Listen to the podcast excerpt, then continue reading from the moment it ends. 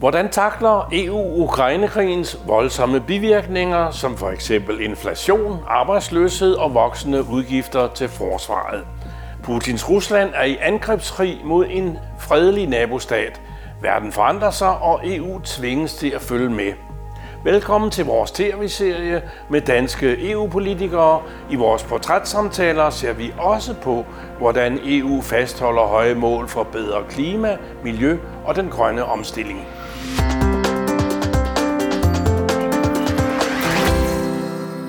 Og velkommen til dig, Anders Vistesen, Dansk Folkeparti.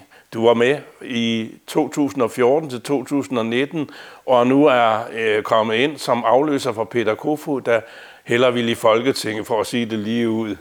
Ja, tak fordi jeg måtte komme. Ja, velbekomme. Og øh, du har overtaget hans udvalg. Hvad er det for udvalg, du er kommet i i EU-parlamentet? Jamen, jeg sidder jo i tre udvalg i parlamentet. Jeg sidder i øh, udenrigsudvalget, som, øh, som øh, jeg også sad i i sidste periode. Og derudover er det udvalg, der hedder øh, udvalget for borgerrettigheder, der sidder med en bred portefølje fra GDPR-lovgivning til migration og flygtningepolitik. Og så i beskæftigelsesudvalget, hvor det i høj grad handler om ja, det, man kalder den sociale søjle, altså hvor meget skal EU blande sig i socialpolitik, men også sådan nogle spørgsmål omkring den danske model. Hvor meget skal man lovgive på arbejdsmarkedsområdet, hvor meget skal være overladt til arbejdsmarkedets parter. Så lad os starte lige med det første faktisk, for udenrigsudvalget, det må man sige er aktuelt nu. Har du mærket anderledes stemning, anderledes forhold at arbejde under som EU-parlamentariker nu, hvor vi sidder midt i en krig? Øh, man skal sige, der er jo lidt, det lidt specielle, at udenrigsområdet er et af de områder, hvor Europaparlamentet ikke er medlovgiver endnu. Så det er dermed et rådgivende organ.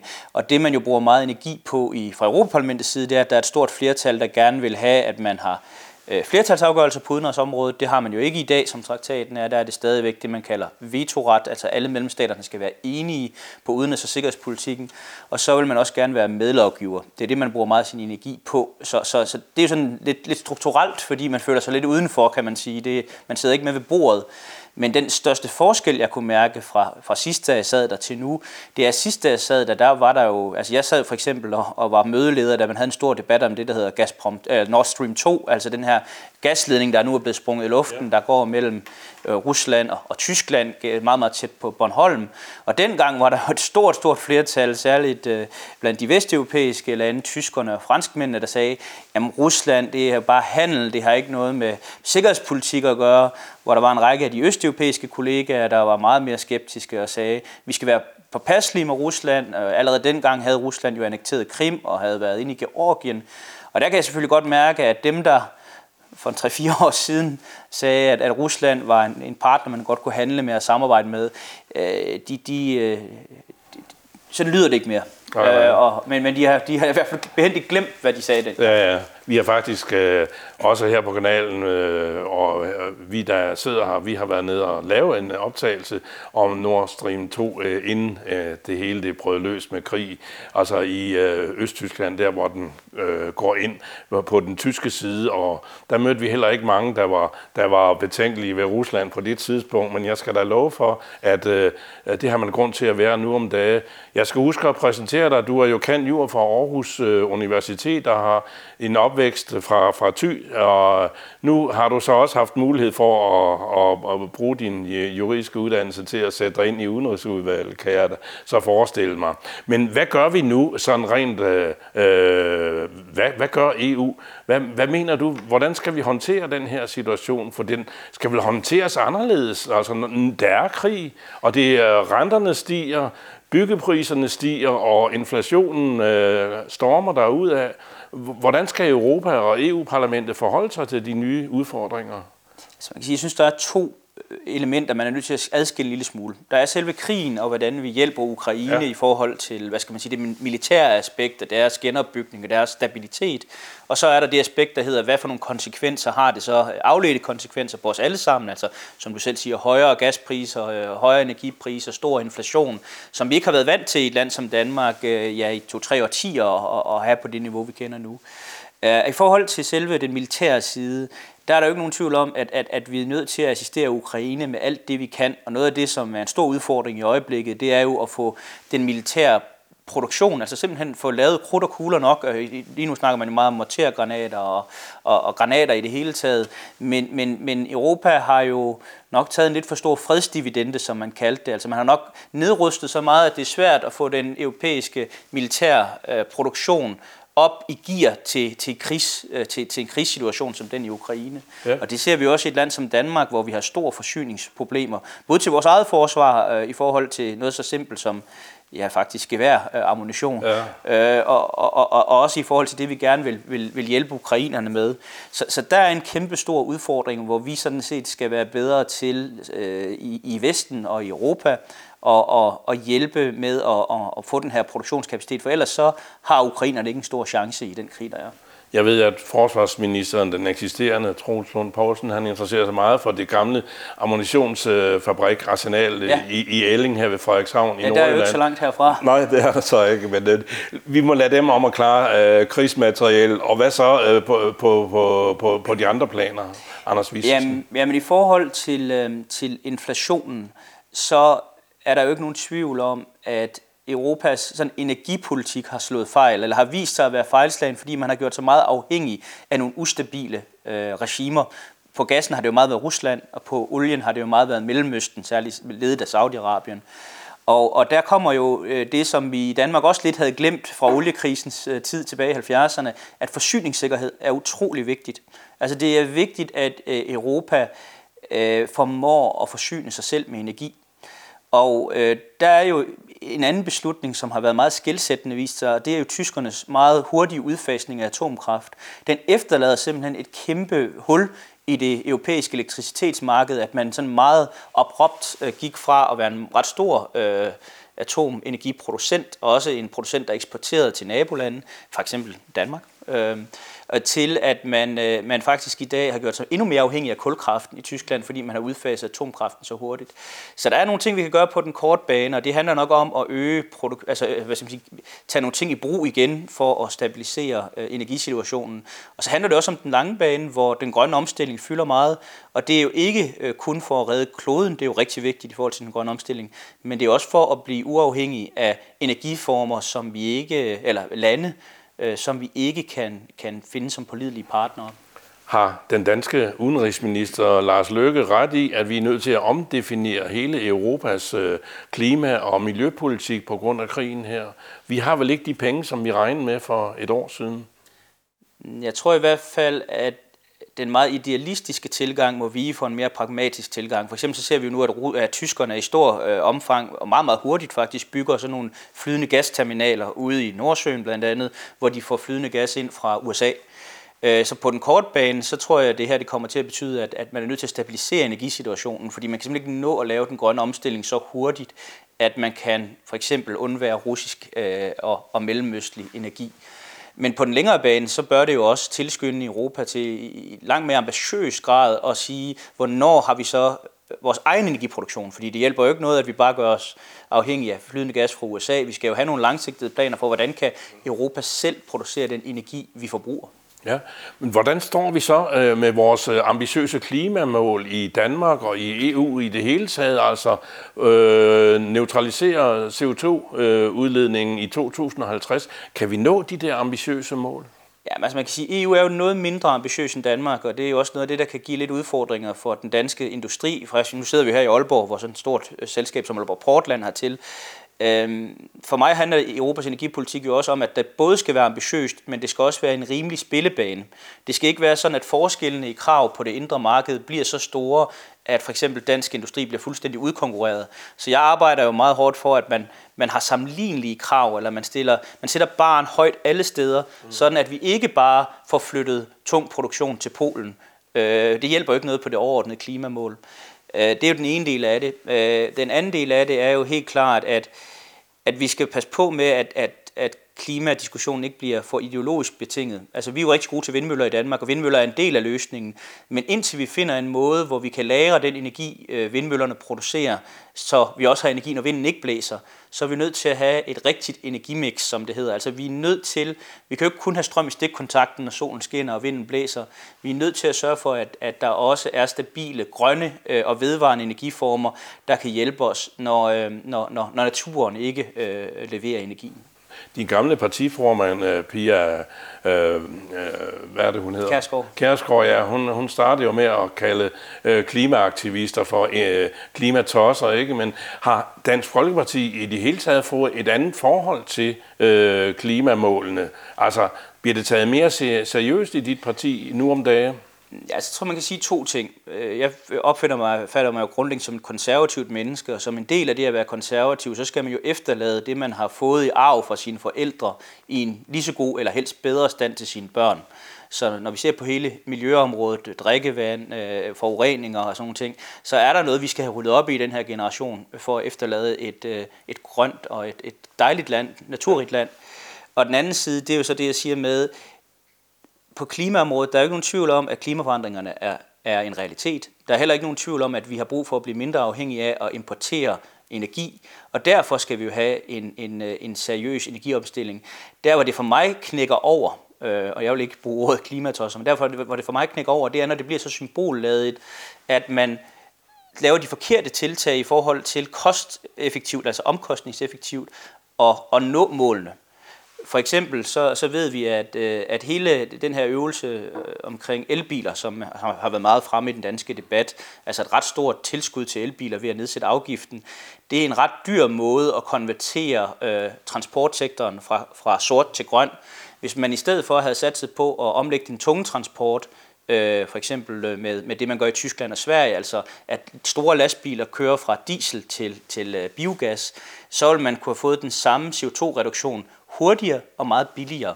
Og det er der, jeg engang imellem tror, at, at klimaområdet skyder sig selv lidt i foden, fordi det er jo vigtigt, at vi når målet. Altså klimaet er jo ligeglad med, om det er den ene ton CO2 eller den anden ton CO2, vi tager ud. Vi skal sørge for at tage så mange ton CO2 ud, så billigt som muligt, fordi det er det, der batter.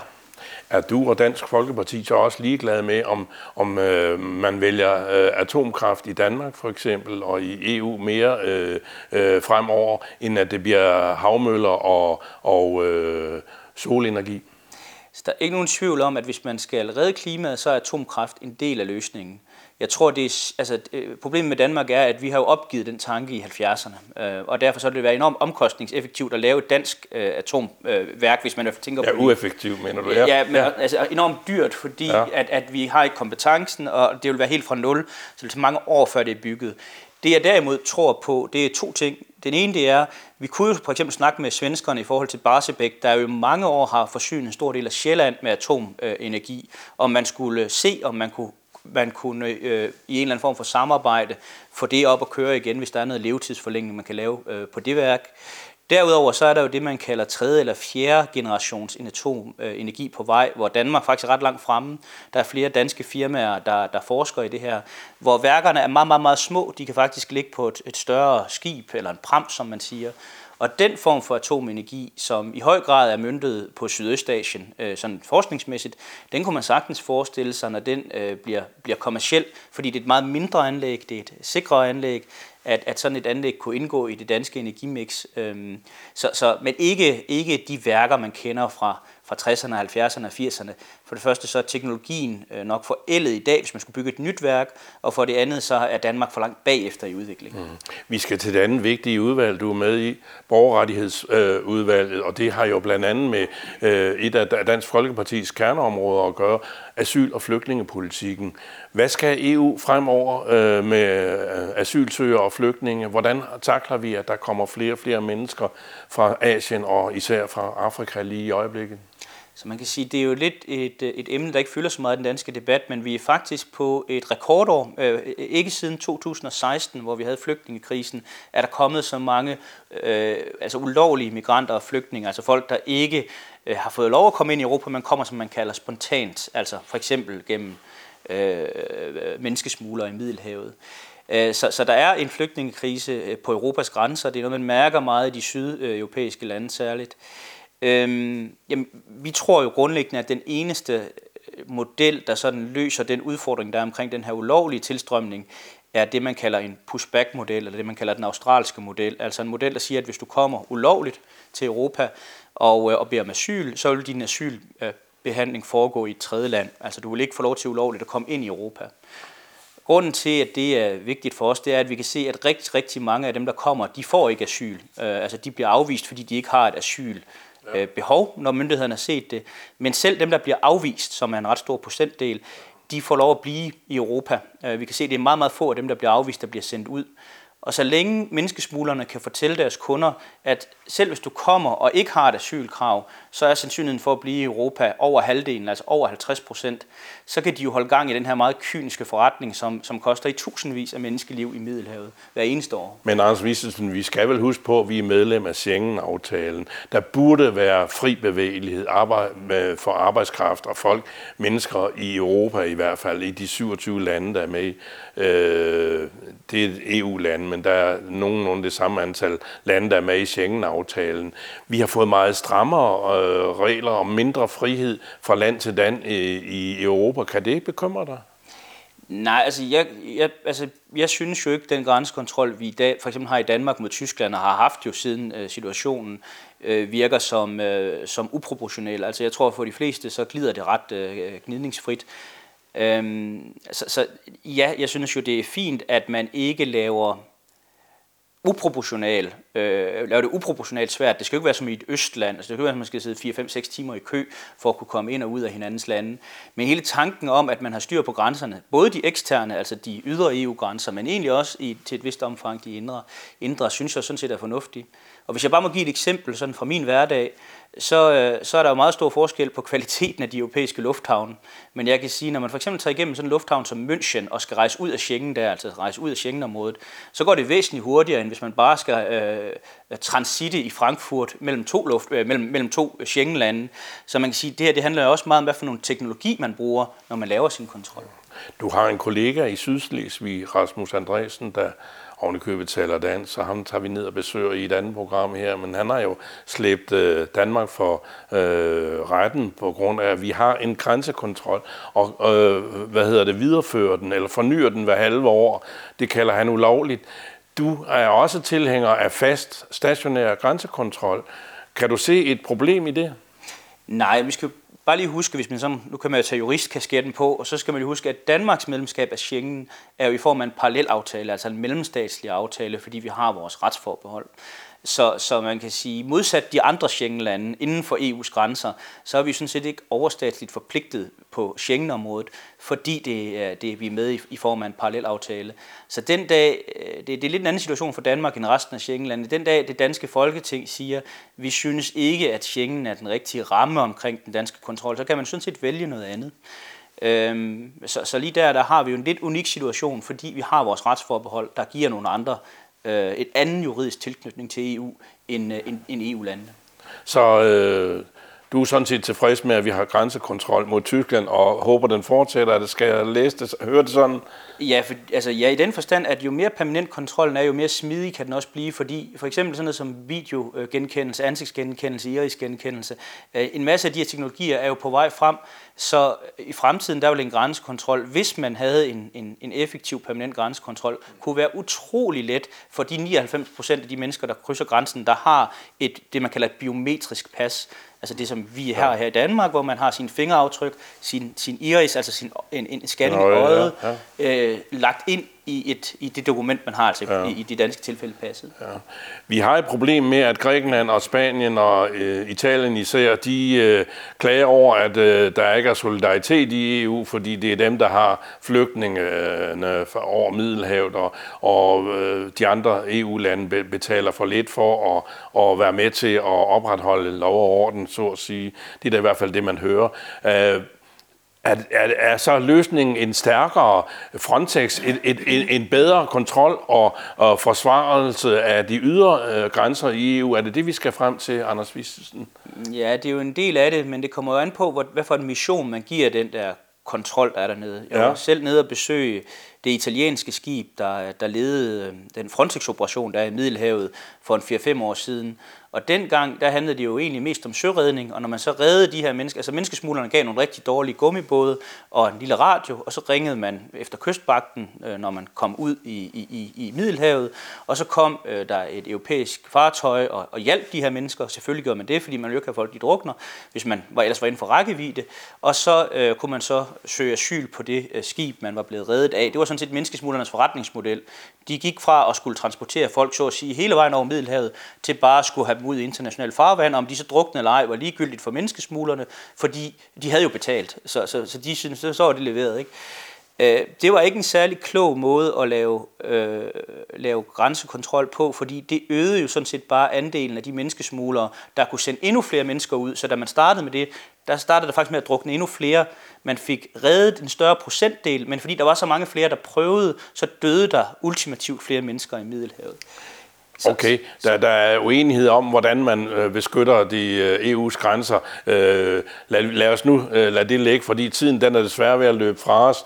Anders Vistensen, øh, stiller du op for Dansk Folkeparti og til, til et nyt Europaparlamentsvalg øh, næste øh, forår? Det må være i maj måned. Øh, jamen det ved vi jo ikke endnu. Vi har jo ikke uh, lavet vores liste uh, i Dansk Folkeparti, men det ved vi mere om, tror jeg, når vi kommer hen på den anden side af vores årsmøde i efteråret. Det er vist der, man, man fra hovedbestyrelsens side ja, det. men har du lyst til at fortsætte dit arbejde? Og man har jo altid lyst til at arbejde for Danmark og for Dansk Folkeparti, men om det lige bliver Europaparlamentet, det, øh, det må partiet jo vurdere.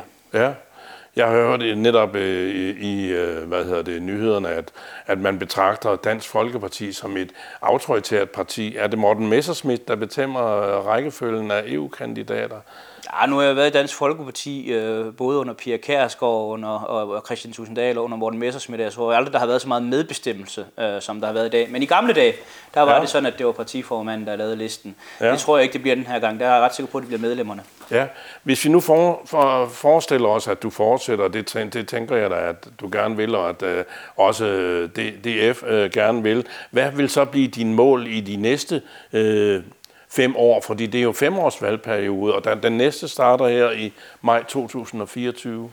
Ja, uanset om det er mig eller en anden DF, så er vores mål jo øh, at prøve at være en vagthund over for de ting, som vi ikke synes, der får så meget opmærksomhed i den europæiske debat. Det er jo rigtig tit, vi er lidt frustreret over, at, at de etablerede medier i Danmark dækker EU så lidt, som de gør, og særligt Europaparlamentets arbejde så lidt, som de gør, fordi der er rigtig meget integrationsidéer øh, på tapetet, og det vil vi meget gerne prøve at gøre opmærksom på i den danske debat, så danskerne ved, hvad for en retning det store flertal af Europaparlamentet og nok også medlemsstaterne gerne vil i, i, i, i, ind imod. Ja, der er jo også et problem, at, øh, skal vi sige, at uh, de flygter lidt. Altså, øh, uh, Lidl fra, fra Venstre vil ikke være med, og Peter Kofod har jo også valgt at komme i Folketinget, så du har kommet ind igen og har været der i fire år fem år tidligere, ikke?